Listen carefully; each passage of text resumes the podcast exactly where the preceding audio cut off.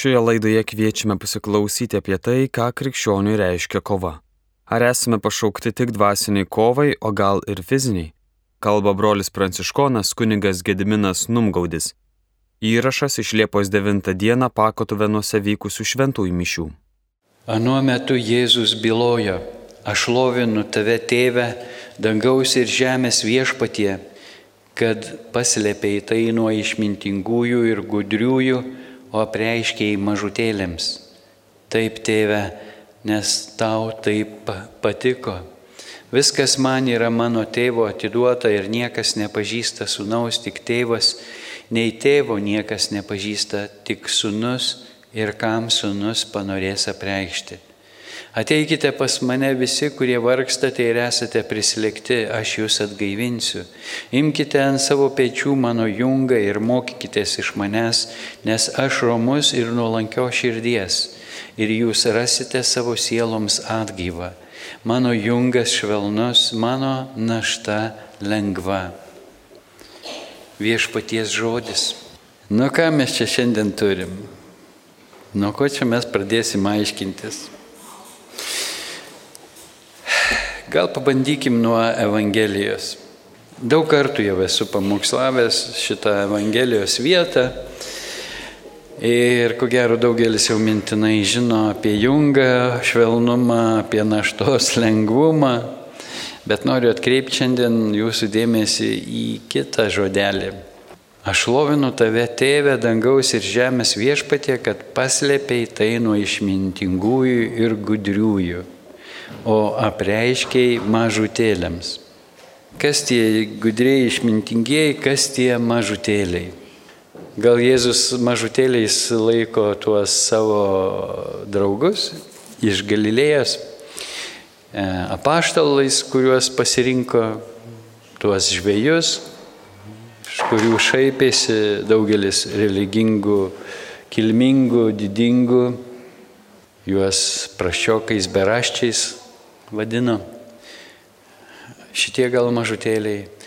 Ar tie paprasti Galilėjos kaimo žmonės, kaimo miestelių žmonės, kurie gal nebuvo tiek išprusę toros pažinime, gal jie tais mažutėliais laikomi.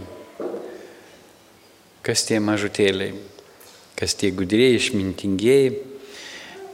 Gal gudriai išmintingieji Jeruzalėje gyvena, kurie ištisas dienas Talmudą, Torą studijuoja, kaip ir šiais laikais.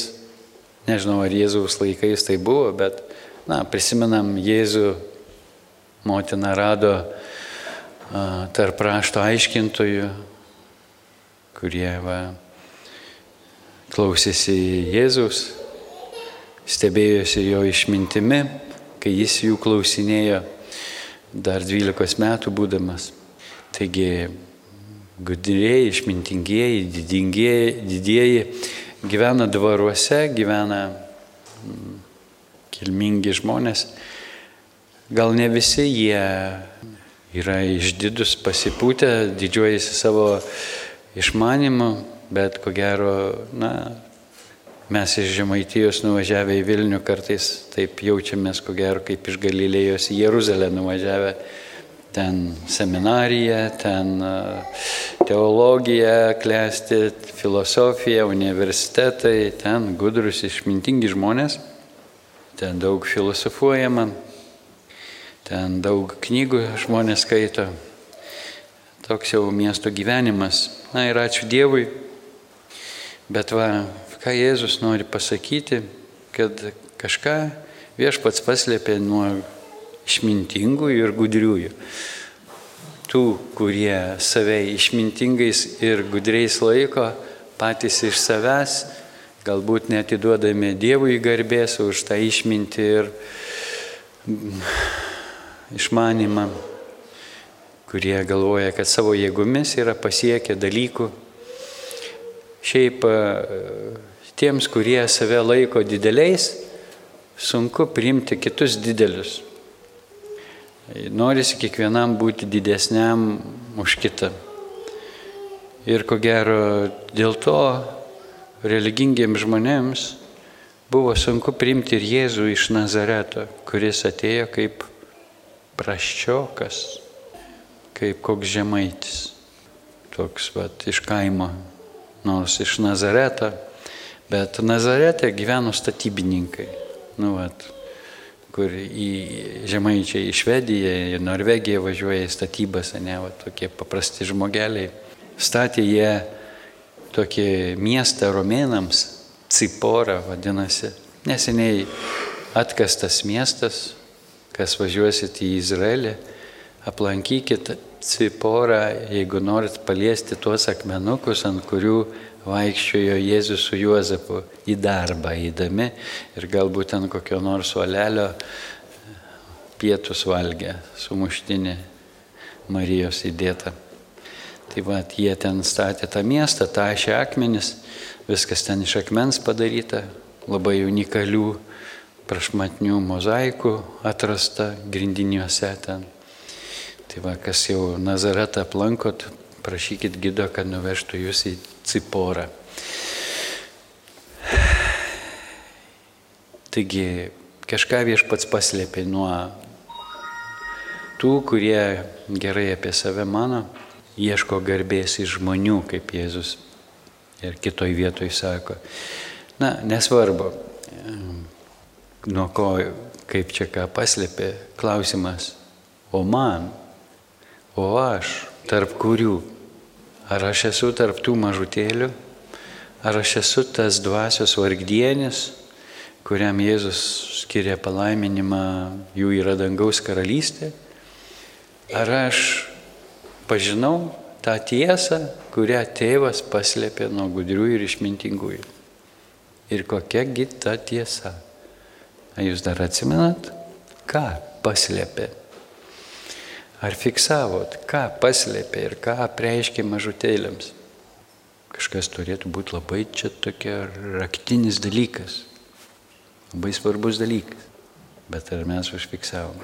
Kas man pasakys? Ot, nesinešat Biblijos, neturit kur špargalkės paskaityti. Kas ten buvo toliau? Sekantis sakinys koks ėjo? Raktinis Taip, tėve, nes tau tai patiko. Kas jam patiko? Viskas man yra mano tėvo atiduota. Viskas man yra atiduota mano tėvo. Tėvas viską atidavė į Jėzaus rankas, į sunaus rankas. Jis paveldėtojas. Na, o kas čia dabar mums iš to visko būtų labiausiai svarbu. Žinios, žinojimas, pažinimas, išmintis. Mes norim viską žinoti. Žinios kažkaip surištos su gale. Nu va, mes dabar stebim, pavyzdžiui, karą Ukrainoje. Ne? Geras pavyzdys. Ir kodėl jiems neduoda tų leopardų, kodėl jiems neduoda tų e, greitų lėktuvų. Pas rusus yra toks posakis, aš paskui išversiu lietuviškai, harošąją aparatūrą, v rukach dikare, eta tolka kusok metalą. Gera aparatūra laukinio rankose tik metalo gabalas. Reikia žinių, kad tu galėtum panaudoti galę, ginklo galę, ne? Gali paleisti prašmatniausią raketą, jeigu tu nemokėsi nustatyti koordinačių, milijonai nuskris į pelkę ir ištaškys varlyną ir tiek, ne? Tai va, žinios, gale, jėga mums aktualūs dalykai. Mes norim valdyti, norim kontroliuoti, norim viešpatauti, norim būti virš kitų. Ir tame yra žmonių garbė, kiek jis pasiekė galios, kiek jis turi pinigų, tiek jis turi galios. Vat jis kaip Dievas jaučiasi, jis gali viską nupirkti, visiems įsakinėti, už pinigus viską visi darys, ką tik jis lieps. Bet e, dėja negali už pinigus nupirkti meilės ir net ištikimybės. Atsiras, kas brangiau sumokės ir po ištikimybės. Tai va, taigi Jėzui atiduota gale, Jėzui atiduotas pažinimas, Jėzui atiduota valdžia ir teismas. Kartais galbūt mes labai norėdami pabrėžti vieną tiesą, kad Jėzus va toks geras, ganytojas, toks mielas vaikinas, su kuriuo gera būti, gražus, nerūko, negeria, nesikeikia, nesmurtauja, moka gražiai pašnekėti apie gyvenimą, moka paguosti, va, nu, toks geras. Nu, nelabai gerai jam baigėsi, tiesą sakant, nenorėtume, kad mums tai baigtųsi kaip jam ant kryžiaus, ne, nepasisekė, va. A, nu, bet jis gražiai išnekėjo, jis mokė žmonės gerbti viens kitą, mylėti viens kitą, būti ištikimiems. Nu, mm, bet gyvenimo realybė ir išgaruoja visi Jėzaus gražus pamokymai. Kodėl jie nesilaiko mumise? Kodėl mes nepasitikim Jėzaus žodžiais, jo pažadais? Juk jeigu tikėtume Jėzaus žodžiu, neįtumėm į jokius kompromisus. Geriau mirti, bet neišduoti Jėzaus žodžių, nes tai amžinas gyvenimas. Kas šalia Jėzaus meilės dar yra svarbu? Jėzaus visa galybė. Ar jis gali mus išgelbėti iš bet kokios situacijos? Ir kaip jis gali mus išgelbėti? Mes norėtumėm Jėzų turėti tokį stebukladarį, abrakadabra, pukšt.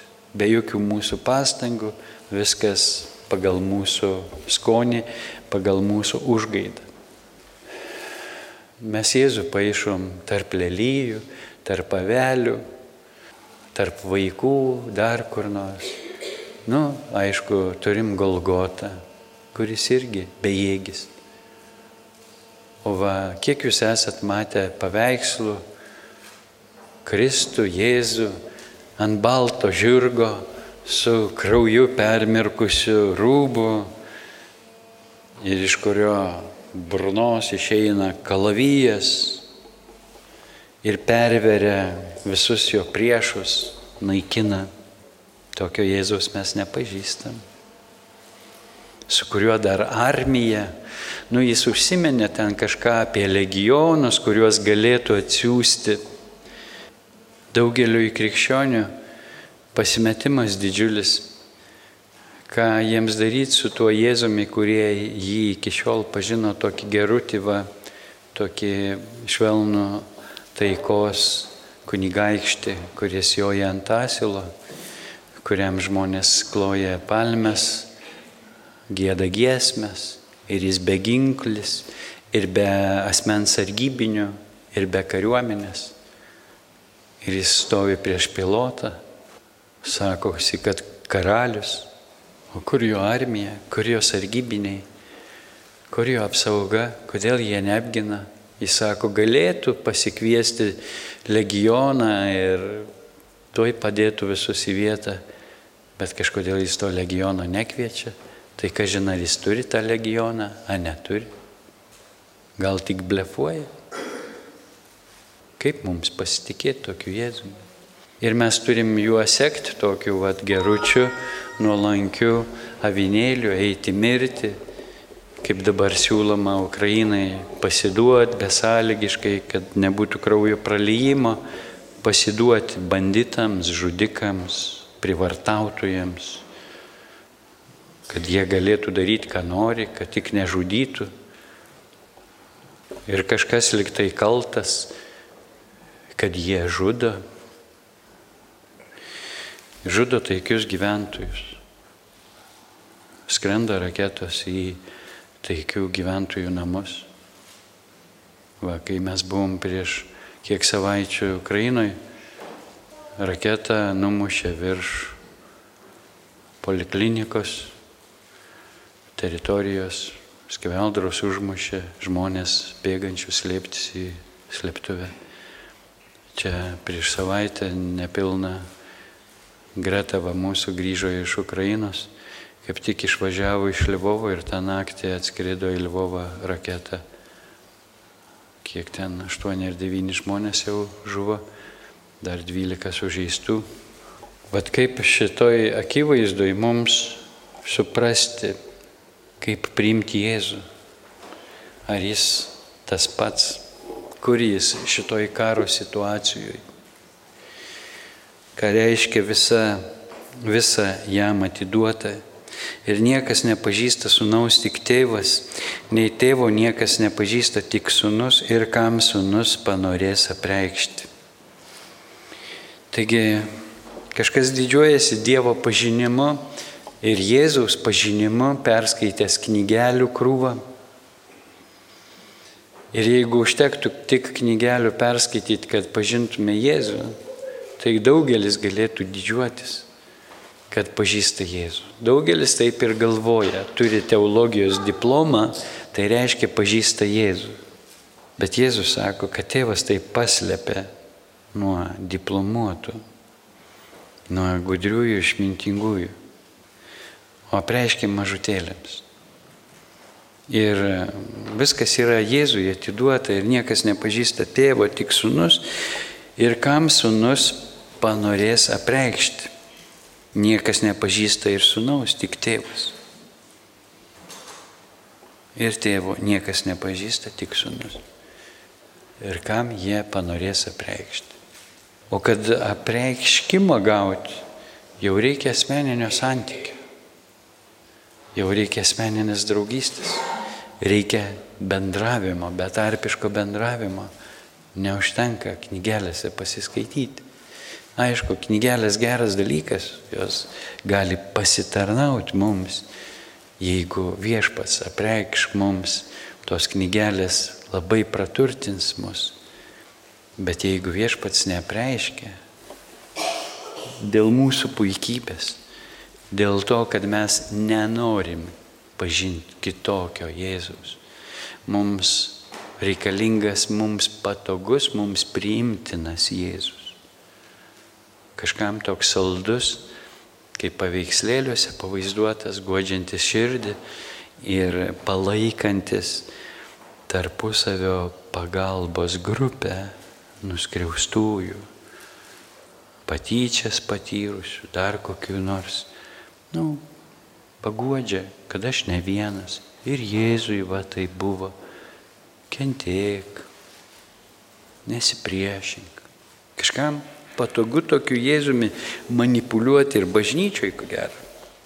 Taigi šitoj vietoje aš norėjau paskaityti jums vaizdelį, priminti, kad mums Zacharijo knygoje pristatomas kažkoks vat gelbėtojas. Štai ką sako viešpats didžiai džiugauk Ziono dukra, garsiai krikštauk, dukra Jeruzalė. Štai tavo karalius pas tave ateina, jis išaukštintas ir pergalingas, nuolankus ir joja ant asilo, ant asiliuko, asilės jauniklio. Jis išvarys kovos vežimus iš Efraimo ir karo žirgus iš Jeruzalės, karo lankas bus sulaužytas, jis kelbė taiką tautoms, jo valdžia bus nuo jūros lyg jūros, nuo upės lyg žemės pakraščių. A čia apie kokį karalių? Karalių Dovydą, karalių Saulių ar karalių Saliamoną gal? Apie ką čia Zacharijas pranašauja, gal jau Zacharijas po visų tų karalių buvo. Ir gal mes taikom šitą pranašystę Jėzui ir Jėzus išpildo tą pranašystę joje darbų sekmadienį ant asilės jauniklio. Bet kaip yra su to, tais kovos vežimais Efraimo ir karo žirgais Jeruzalėje, karo lankai bus sulaužyti Jėzus ims savo rankelėm sulaužys. Jis juk toks taikos kunigaikštis, kaip jis tą taiką įves. Ar galima taiką įvesti be karo?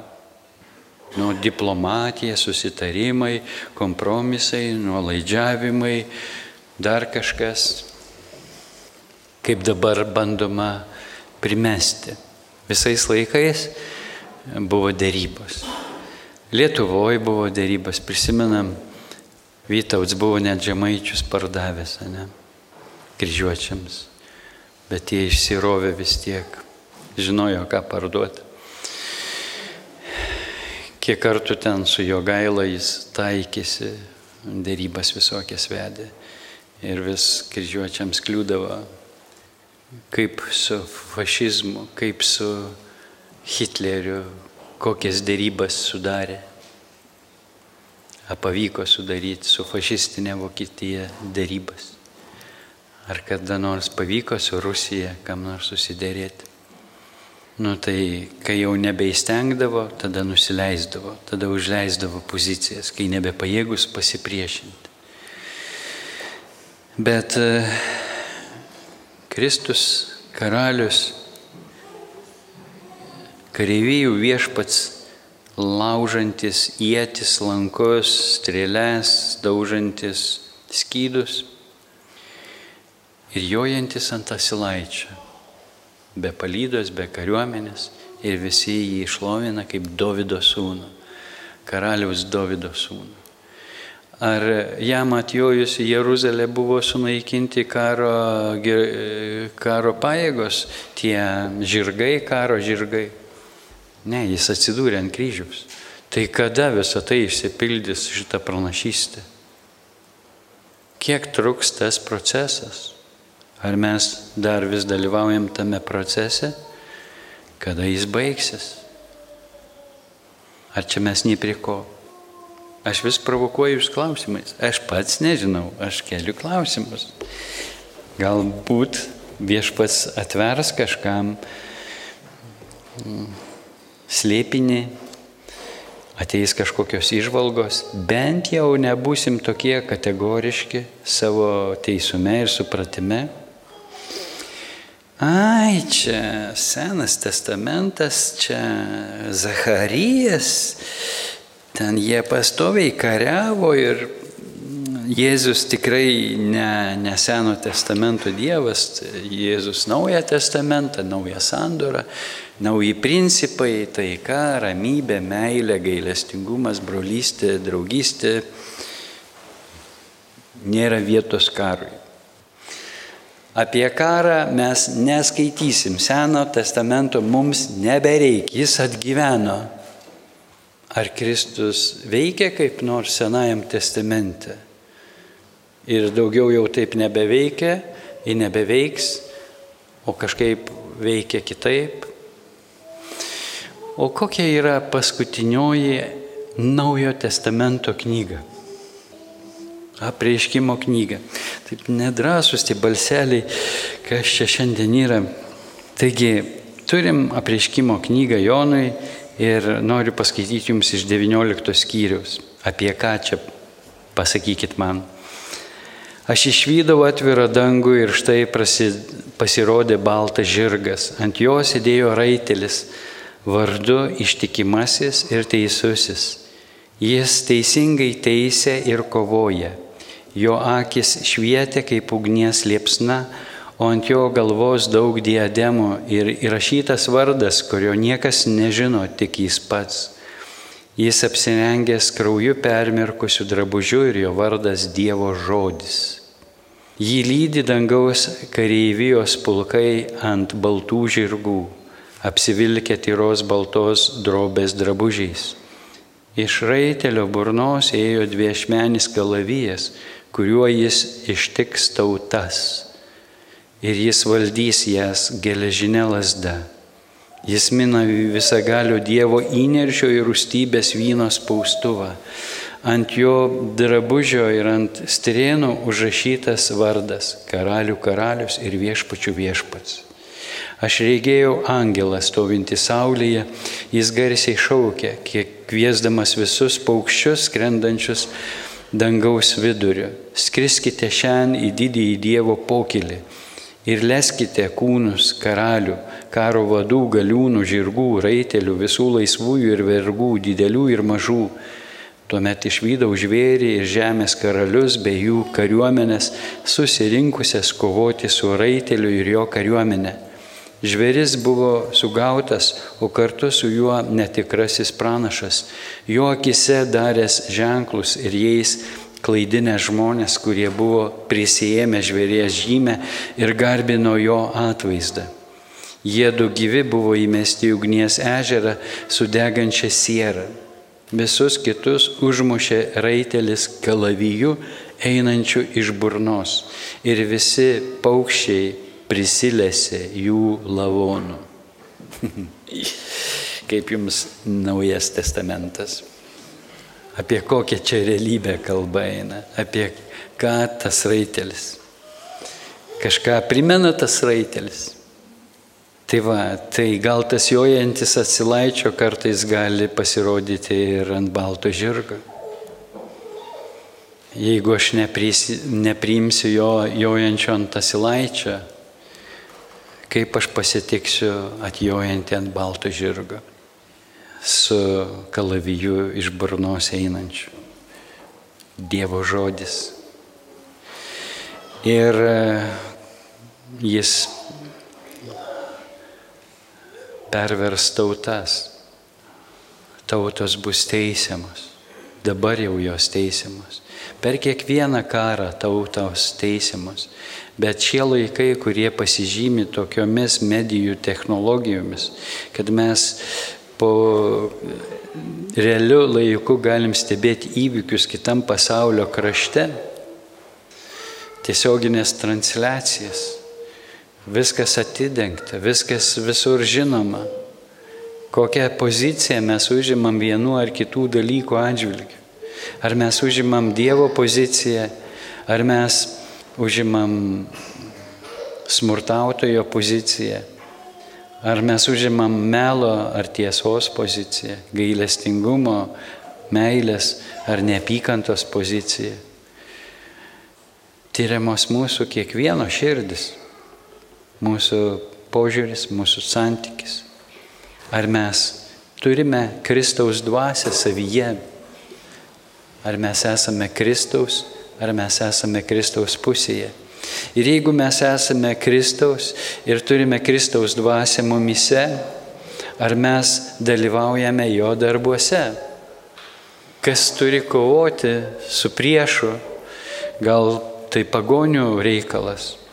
Krikščionis neims ginklo, negins savo namų, pasiduos ir leis prievartauti moteris ir vaikus žudyti, tyčiotis, niekinti, plėšti, naikinti. Ar tokia Dievo valia? Ar Dievo valia, kad mes pastovėtume, nebrangindami savo gyvybės, pasiruošę atiduoti savo gyvybę už artimą, už brolių, už sesę? Kažkas galbūt prisimdamas kančią ir neišduodamas artimų, neišduodamas draugų, neišduodamas šalies, kažkas galbūt pasiemęs ginklą, sėdėdamas apkasuose, gindamas pozicijas. Įvairiai galima atiduoti gyvybę. Agresoriaus prievarta varomam žudyti kitus gali pasirinkti, atiduoti savo gyvybę, būti pats sunaikintas, kad kitų nenaikintum. Gali sėdėti kalėjime, gali prisijimti smurtą, galimybių yra. Negalėsi karaliui pasiteisinti, mane priverti. Mes esam pašaukti nemažam reikalui paveldėt karalystę. Ir kad paveldėt karalystę mes turim būti užgrūdinti ir išlavinti ir patikrinti ištikimybėje, kiek mums brangi ir svarbi Dievo karalystė ir kiek mums svarbus mūsų asmeninis gerbuvis, patogumas, mūsų jausmai, mūsų saugumas ir panašiai. Tai be abejo svarbu, bet galbūt yra kažkas svarbiau už tai. Dievo karalystė, tėvo namai, amžinėjai namai. kokią kainą aš pasiruošęs už juos mokėti. Ir kieno rankomis šiandien Jėzus turi kovoti už teisingumą, už taiką. Pagonių, Jėzus nepažįstančių rankomis ar krikščionių, Jėzui save paukojusio, Jėzui save atidavusio rankomis. Mes melžiamės, kad ateitų Jėzaus pergalė. Yra šūkis slava Ukrainė, slava herojam mane. Ir mes sakom garbė Jėzui Kristui. Ateina Jėzus ir mes sakom garbė Jėzui Kristui. O Jėzus sako garbė pagonims, kurie man pakluso ir jų rankomis aš sunaikinau priešus. O mano krikščionis, save besivadinantis krikščionimis, nedalyvavo mano kovoje. Aš provokuoju, keliu klausimus. Aktualu vyrukams, ne? Einantiems į kariuomenę, kada imt ginklą, kada neimt ginklą. Kieno užgaidas tenkinti, kieno ne. Vat kaip Rusijoje vyrams reikia pasirinkti, Ukrainoje vyrams reikia pasirinkti. Yra nelengvas pasirinkimas. Moteris verkia, Nori išsaugoti kiekvieną savo vyrą, tegu kito vyras žuva, kad tik mano liktų gyvas ir panašiai. Mes dabar turim tiek daug klausimų. Ir e, kuo mes vadovausimės, ieškodami atsakymo jausmais, ar ieškodami tiesos, pagal sąžinę, pagal Dievo žodį, ar pagal savo jausmus, pagal savo egoizmą. Ir ar neatsidursim mes teisme kaip kaltinamieji išdavystę, abejingumu, nutilėjimu, baime ir netinkami paveldėti karalystę. Ar mes užimsim radikales pozicijas? Štai Vilniuje svarbi savaitė visam pasauliui ką mes darysim šią savaitę kaip tikintis. Va, Lvove pilnos gatvės žmonių, kavinės ir restoranai. Nu, suprantama, reikia žmonėms pavalgyti. Bet pilna ir naktinių klubų, kur balevojama, kai vieni apkasuose sužeisti kankinasi šaltyje, alkyje, vienišume, baimėje, kiti užsimiršti nori, nėra karo, neįgymas, balevojam, linksminamės.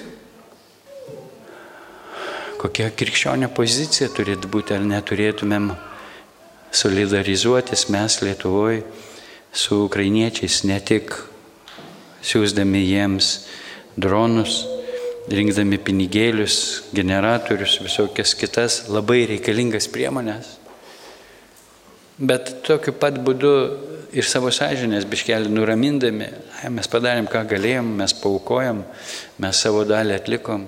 Ar tikrai mes krikščionys viską atlikom, ką turėjom atlikti? Ar mes neturim pasnikauti ir melstis? Kad viešpaties pergalė ateitų, Dievo teisingumo pergalė ateitų į Ukrainą ir į mūsų šalį kad Ukraina būtų išvaduota iš korupcijos ir kad Lietuva būtų išvaduota iš korupcijos. Kad nebūtų vietos manipulacijoms, melui, kažkieno egoistinių interesų stumimui daugumos sąskaita. Kad nebūtų vietos neteisingumui, išnaudojimui, Kai mes užleidžiam šitas pozicijas, tauta praranda galę. Ant lietuviškų pinigų prieš karą buvo užrašyta tautos jėga vienybėje. Tautos jėga vienybė pažeidžiama per neteisingumą, nesilaikant Dievo įsakymų. Prarandama pasitikėjimą Dievu, prarandama pasitikėjimas ir žmonėmis, tada nėra vienybės, tada mes silpni, pažeidžiami mumis galima lengvai manipuliuoti ir mus vėl pavergti. Ar mes pajėgų šiandien būtume pasipriešinti agresijai, o pretenzijų ir ambicijų netrūksta. Ir Lietuvos atžvilgių ambicijų Rusijoje netrūksta. Ir grėsmė niekiek nesumažėjusi. O jeigu Rusijoje kils iš tikrųjų pilietinis karas, griuvimas, ekonomikos griuvimas, badas, išbadėję žmonės nebeturi ko prarasti, nesulaikys jų spigliuotos tvoros kaip plūstelės tūkstančiai išalkusių į riebiai gyvenančią, saldžiai gyvenančią Europą. Mes ant sienos pirmiausia pro mus praeis išalkusi minė. Kaip mes juos pasitiksim? Automatais, patrankomis ar su gailestingumu, ar pamaitinsim, ar prakeiksim, ar paniekinsim, su kuo ateis pas mus, kaip mes pasitiksim, daug klausimų, o tai gali atsitikti labai greitai. Kas garantuotas, kad rytoj tai neatsitiks? Kad neįvyks kokia provokacija. Mes jau turėjom istorinę pamoką. Kažin, ar naujoji karta išmoko šitą pamoką. Šioje laidoje kalbėjo brolis pranciškonas kunigas Gediminas Numgaudis. Įrašas iš Pakotuvenuose Liepos 9 dieną vykusių šventųjų mišių. Likite su Marijos radiju.